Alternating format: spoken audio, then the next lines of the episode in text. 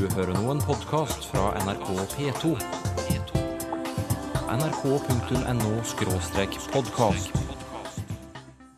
Jeg vet ikke, jeg, men jeg tror det gjør seg at det går bra. Nei, Det skulle ha vært noe helt annet.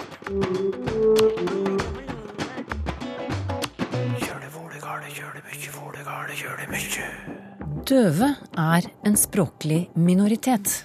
Du kan være tøff for å være døv eller hørselshemma. Folk blir usikre for at de ikke har kunnskap om eh, hvordan man kan kommunisere med døve. F.eks. at vi må være synlige når vi snakker med en som er døv. Og hun som ikke hører hva de sier bak ryggen, selvfølgelig, hun ser at de to går ut og tror at de ikke vil gå sammen med henne. Ord og vendinger på dialekt blir det også i dag. Nå skal de fattige ha wienerbrød og mora mi blautkake. Tegnspråk har status som et eget språk i Norge. Vi regner med at det er ca. 5000 døve her i landet, og dermed er de en språklig minoritet. Hvordan oppleves det? Bli med til Trondheim tegnspråkklubb, en ungdomsklubb for døve.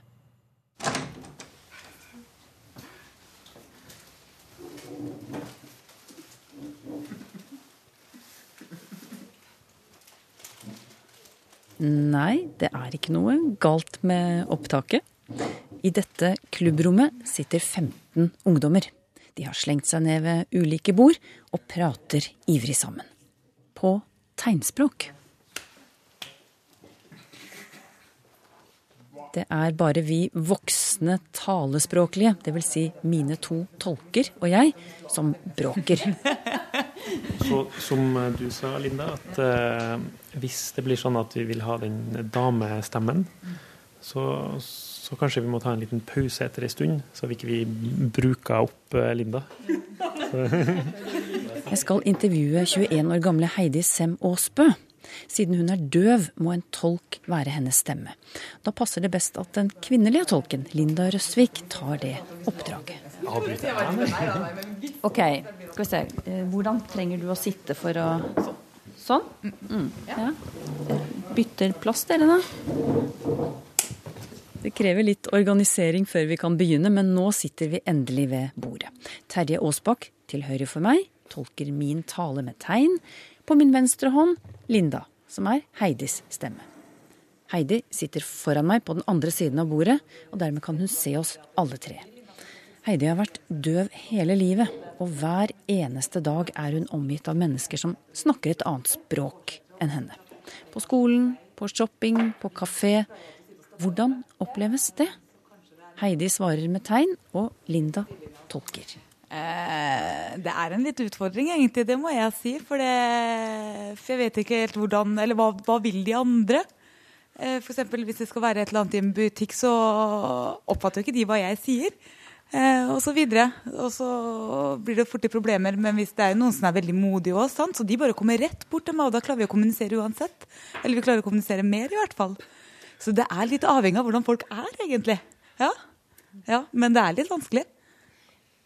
Men hva gjør du når du går inn i en butikk og du ikke klarer å gjøre deg forstått? Hvordan løser du det? Eh, jeg bruker mobilen, ja, gjør jeg. Eh, så jeg bruker den til å skrive. Og så viser jeg fram til betjeninga hvis det er et eller annet jeg lurer på. Eller f.eks. hvis de Ja, så kan de skrive tilbake igjen til meg som svar på mobilen. Eller bare på en lapp eller noe sånt, og så klarer vi å kommunisere sånn, egentlig. Ja. Mm. Eller er det noen som er veldig flinke med kroppsspråk òg, vet du. Så da går det greit da òg, faktisk. Mm. Hva slags reaksjoner får du når de skjønner at uh, du er døv? Eh, jo, jeg kan jo fortelle fra et eksempel, da. Jeg hadde vært på, uh, skal vi se, på Egon-restauranten. Og jeg kom inn, og så sa jeg at jeg hadde lyst på en cola. Sant? Det er lett, jeg bruker håndtegnet for å se. Og så sier jeg cola på munnen.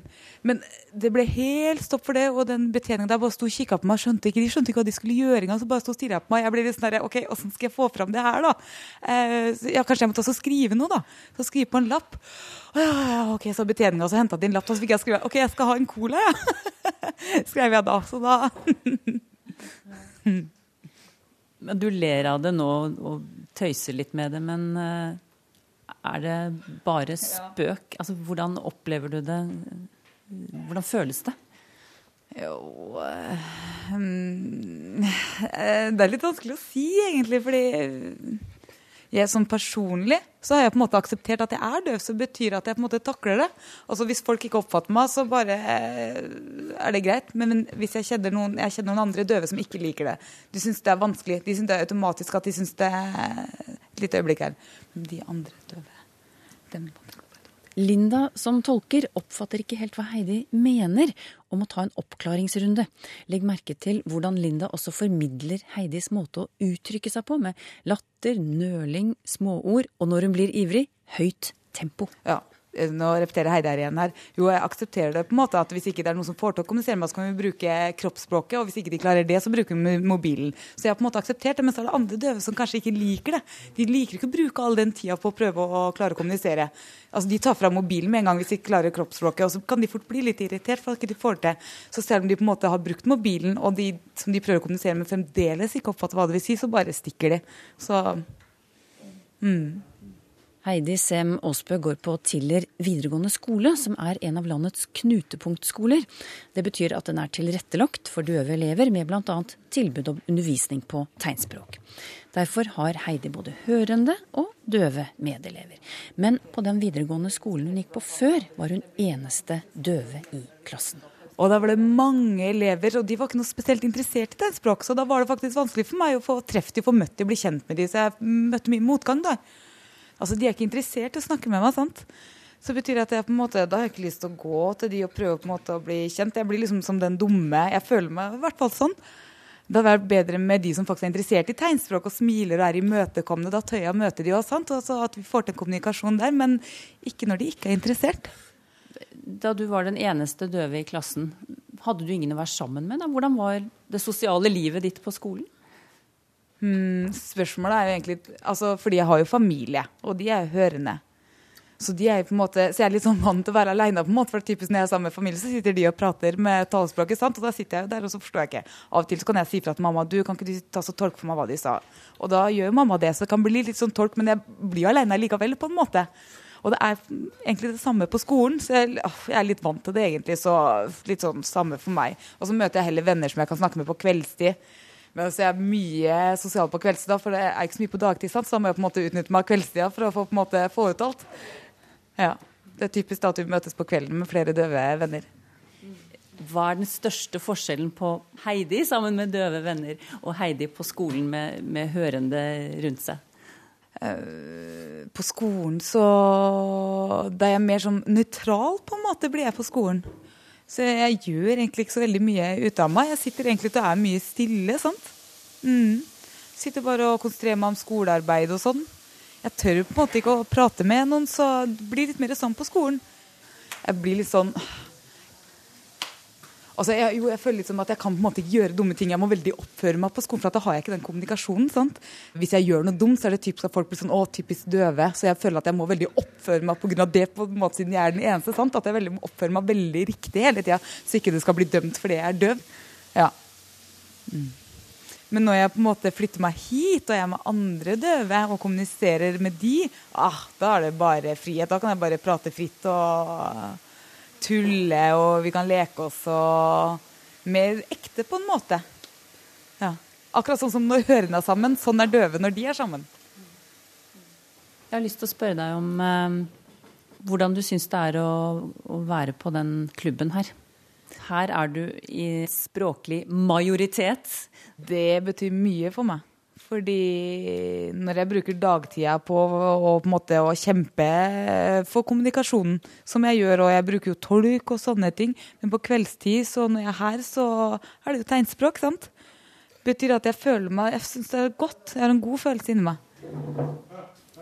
Ja, de, ja, de senker skuldrene og slapper av og er seg sjøl her. Det er prosjektlederen for tegnspråkklubben i Trondheim, Marita Løkken, som bryter inn.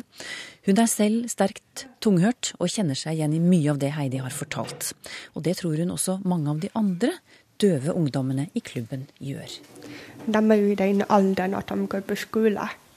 Og mange er integrert. Som du hørte fra Heidi, eh, så er det tøft å være eneste døve i klassen. Og eh, som døv eller hørselshemma så er du integrert. Men uh, her, når du får snakke på egne, egne premisser, så er du inkludert. Du er deg sjøl. ja.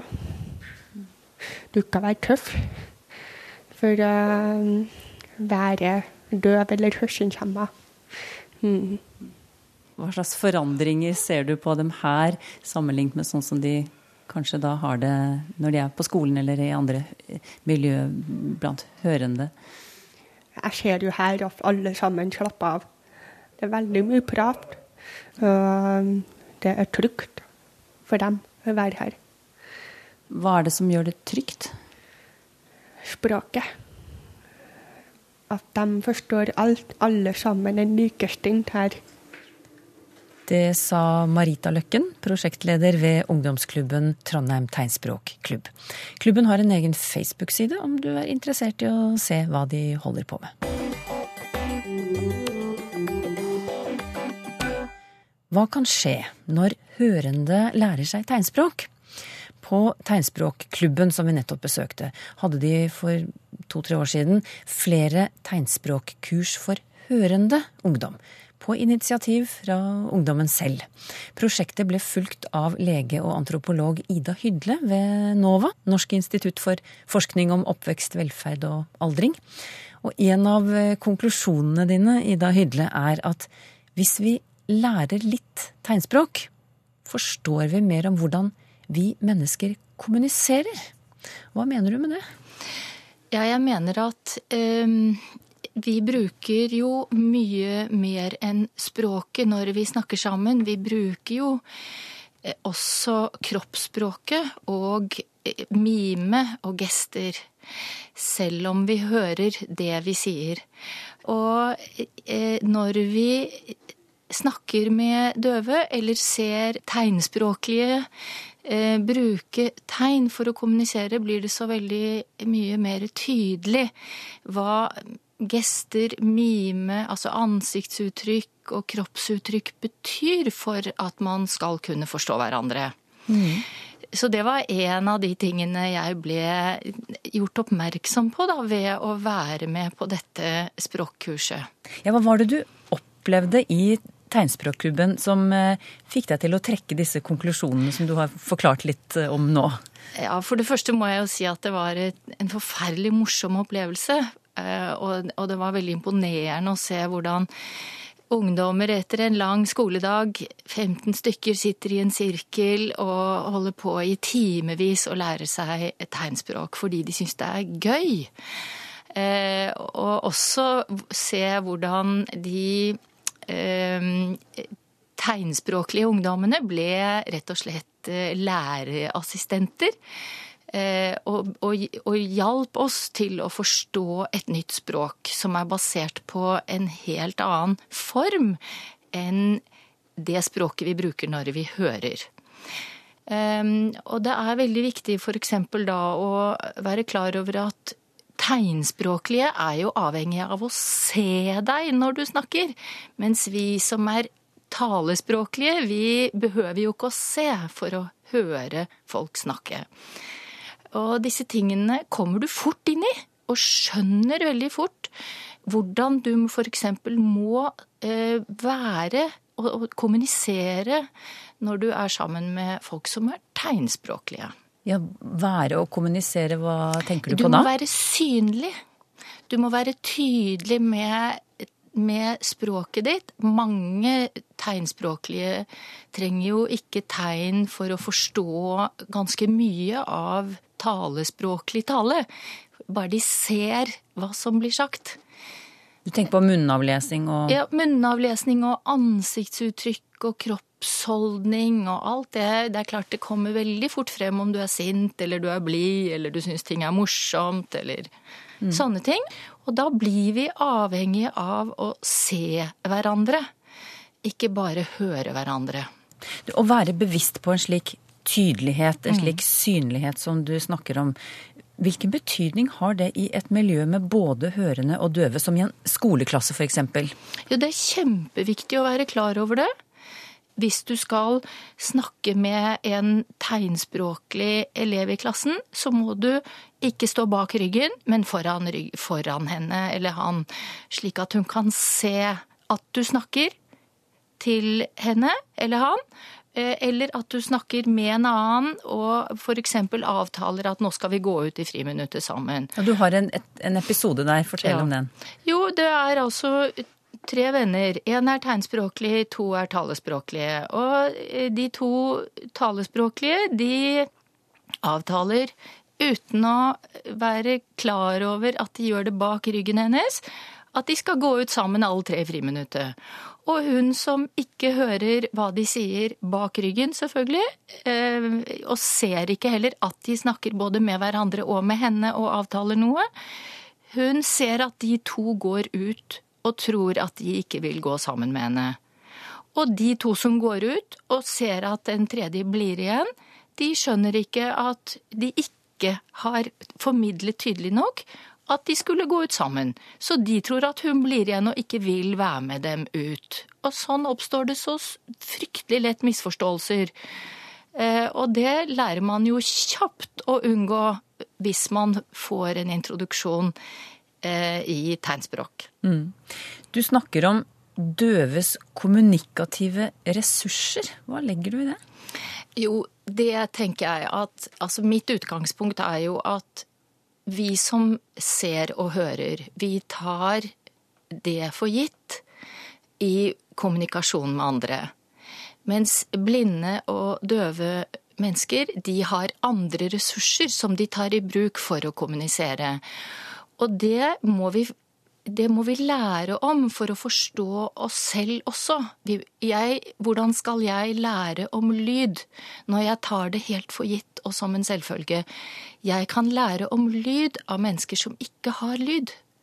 Og det er akkurat det samme jeg kan lære om syn av mennesker som ikke har syn. Det høres paradoksalt ut, men for oss mennesker, så når vi tar ting for gitt, så er vi nødt til å gå til den motsatte ytterlighet på en måte for å forstå hva det er vi tar for gitt. Det er derfor jeg sier at de har noen ressurser, i tillegg til det vi allerede har snakket om, som jeg kan lære mye av når det gjelder grunnforståelser i menneskelig kommunikasjon. Ja, hva blir konsekvensen av det du sier nå? Skal vi alle lære oss tegnspråk da, eller? Nei, men jeg har et helt eh, sånn tror jeg rimelig og realistisk forslag, og det er at um, de ungdommene som har lyst i ungdomsklubber, og det er ikke få, jeg kjenner mange som ikke har fått anledning, verken på skolen eh, eller i klubben, til å lære litt tegnspråk. For eh, mange ungdommer syns jo det er kult å kunne kommunisere med tegn, selv om de ikke har en tegnspråklig nær person rundt seg. For det er jo veldig greit. Man kan kommunisere over store avstander uten at noen skjønner hva man sier. I hvert fall ikke de andre som ikke kan tegnspråk. Og så er det mange som har en god anledning til å lære litt, til å kommunisere med noen de kjenner, som er tegnspråklige. Og så er det et kult språk. Mange syns det er veldig gøy å lære.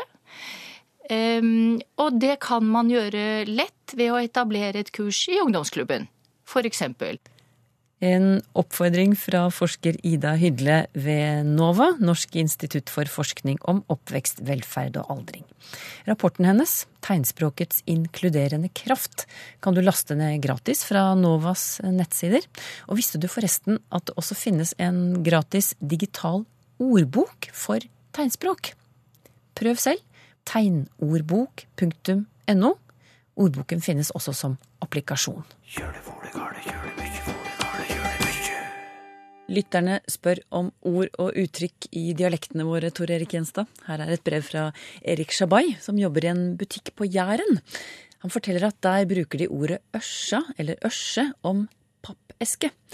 Og så vil han vite hva er opphavet, og finnes dette ordet andre steder i landet? Ja, eh, her er det egentlig snakk om to varianter av samme ordet. Ei ørskje og ei eske.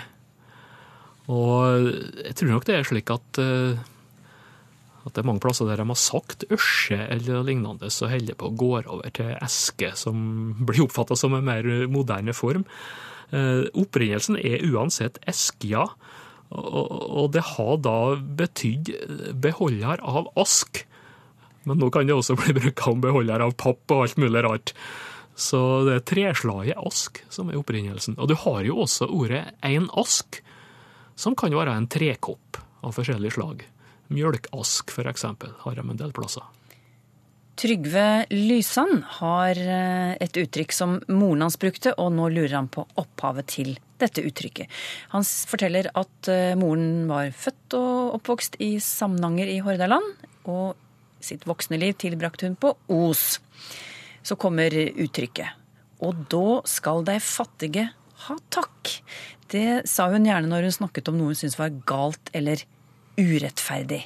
Og han vil gjerne vite hva dette dreier seg om. Ja, eh, det er ikke så helt enkelt det, men det her er jo eh, jeg kaller det et hypotetisk utbrudd, da. Eh, Når det er et eller annet som har blitt gale, gått uheldig. Jeg kan jo òg si i en del sammenhenger at nei, nå skal du ha takk. Da er en jo hjelpeløs, da, da nytter det ikke noen ting. Så det er jo rett og slett et utrop som uttrykker at en er overraska, skeptisk, avvisende. Det er, det er helt usannsynlig, det som har skjedd. Og det er jo kanskje lite trolig at de fattige får takk som fortjent. Så det ligger vel der, uten at jeg kan rekke etter i detalj hvordan det her har utvikla seg. Det finnes jo noen varianter òg, og mer utbygde versjoner, som at nå skal de fattige ha wienerbrød og mora mi blautkake.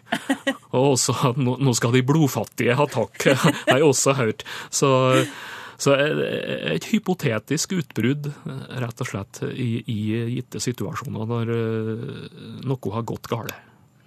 Trygve Lysand han har et uttrykk til han som han gjerne ville at du skal kommentere. Når moren syntes at noen hadde sagt noe dumt eller uforståelig, så sa hun han snakka så ut gjennom eit hull i skjorta. Og det er ganske mystisk. Nja, det er nå kanskje det. Jeg har prøvd å, å, sjekke, og jeg har ikke vært borti det der. Og jeg finner det heller ikke i farten i det arkivmaterialet som jeg har tilgang til, og det er egentlig ganske stort. Så det her var nytt for meg. Men det er jo et billedlig uttrykk, da. Og akkurat hva som er ideen. Men altså, hvis du snakker ut gjennom et hull i skjorta di, så blir det jo gjerne litt forvrengt og litt utydelig, da. Og hvis en har hatt hodet under armen og oppført seg dumt, så kanskje det, det kommer ut på den måten. Men nå er det jo flere talemåter som på utydelig snakk. kommer jo mor mi, hun har et hvis det var noe som var utydelig og uklart formulert, så sa hun at du taler så de blind slest. Og? Og, og to blinde som slest. Det blir jo litt tilfeldig hva som kommer ut av det. Og det finnes sikkert mange flere talemåter for akkurat det der for utydelig tale, men her var det en helt ny en, virka det som. Mm. Kanskje vi skal be lytterne om hjelp, hvis det er noen som hører på nå, som kjenner til dette uttrykket. Han snakka så ut gjennom et hull i skjorta. Så skriv gjerne til oss. Teigen krøllalfa nrk.no. Ord og uttrykk som er borte, er overskriften på dette brevet fra Jon Mosan. Han forteller da han var liten gutt ute på Sørfrøya i Trøndelag, så det her er fra 40-tallet. Så hørte han de gamle si f.eks.: Hvor vart det av fisjen? Jau, måsin har tikkjem på tekkja. Han skriver de sa faktisk fish og flesh, og han lurer på om det kan komme av det engelske fish og flesh. Ja, svaret på det, det må nok bli nei. For det her er jo et Det er litt forskjellige fenomen her, men alt i hop handler om det vi kaller palatalisering, og her da av såkalte velarer. Det er, det er K, og det er SK. Å ha tikki, det er jo greit, det er ha tatt, og da er det jo verbet å, å ta eller taka, så det er den partisippen teke, som da blir tikki, og så blir den palatalisert. Og den tekkja, det er jo taket. Og ei tekkje, det er rett og slett avleda av tak. Og så er det der med, med fish, da. Det, det er jo fisjen i bestemt form. Det er jo der du får den der SIL-lyden. Så jeg vil nok tro at det på Frøya og andre plasser het for fisk eller fisk i ubestemt form. Men så får du den vekslinga. Så det blir altså fisk, fisjen eller fisjen. Det blir flesk, flesje. Og tak, taket, bok, boka. Det der er gammel veksling som går ut ganske mye hos yngre folk i dag, da. Så det er ingen direkte sammenheng med fish og flesh på engelsk sånn skitt. Jon Mosan eh, har eh, også ordet å gyn, som eh, betyr å kikke eller titte, skriver han, og brukes hovedsakelig av de som er noe eldre. Hva kan du si om det ordet? Ja, å gyn, ja, eller å gyne, det kan jo for det første sitte her norsk ordbok igjen, da, der det er redigert i bind fire i 2002. Og geografien i det, der er det ført opp eh, utbreiinga her. Østerdalen, Gudbrandsdalen, Valdres, Romsdalen, Nordmøre og Trøndelag. Og så dukka det opp igjen opp i Bardu, og da er det nok innflyttermål fra Østerdalen, da.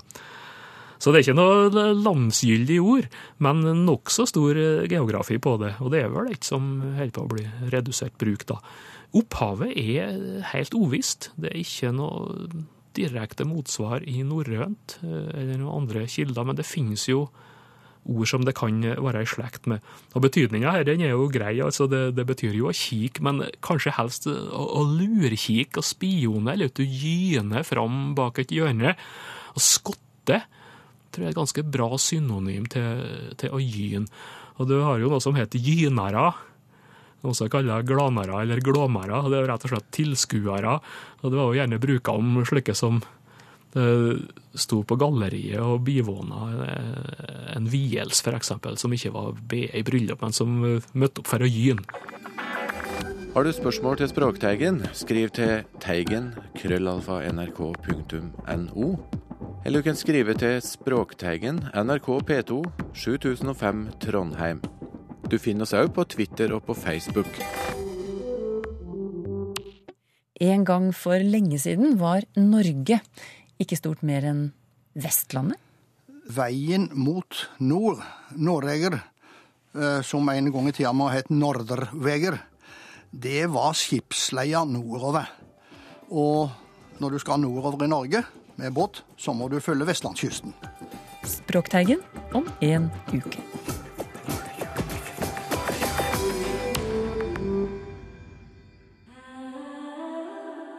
nrk.no podkast.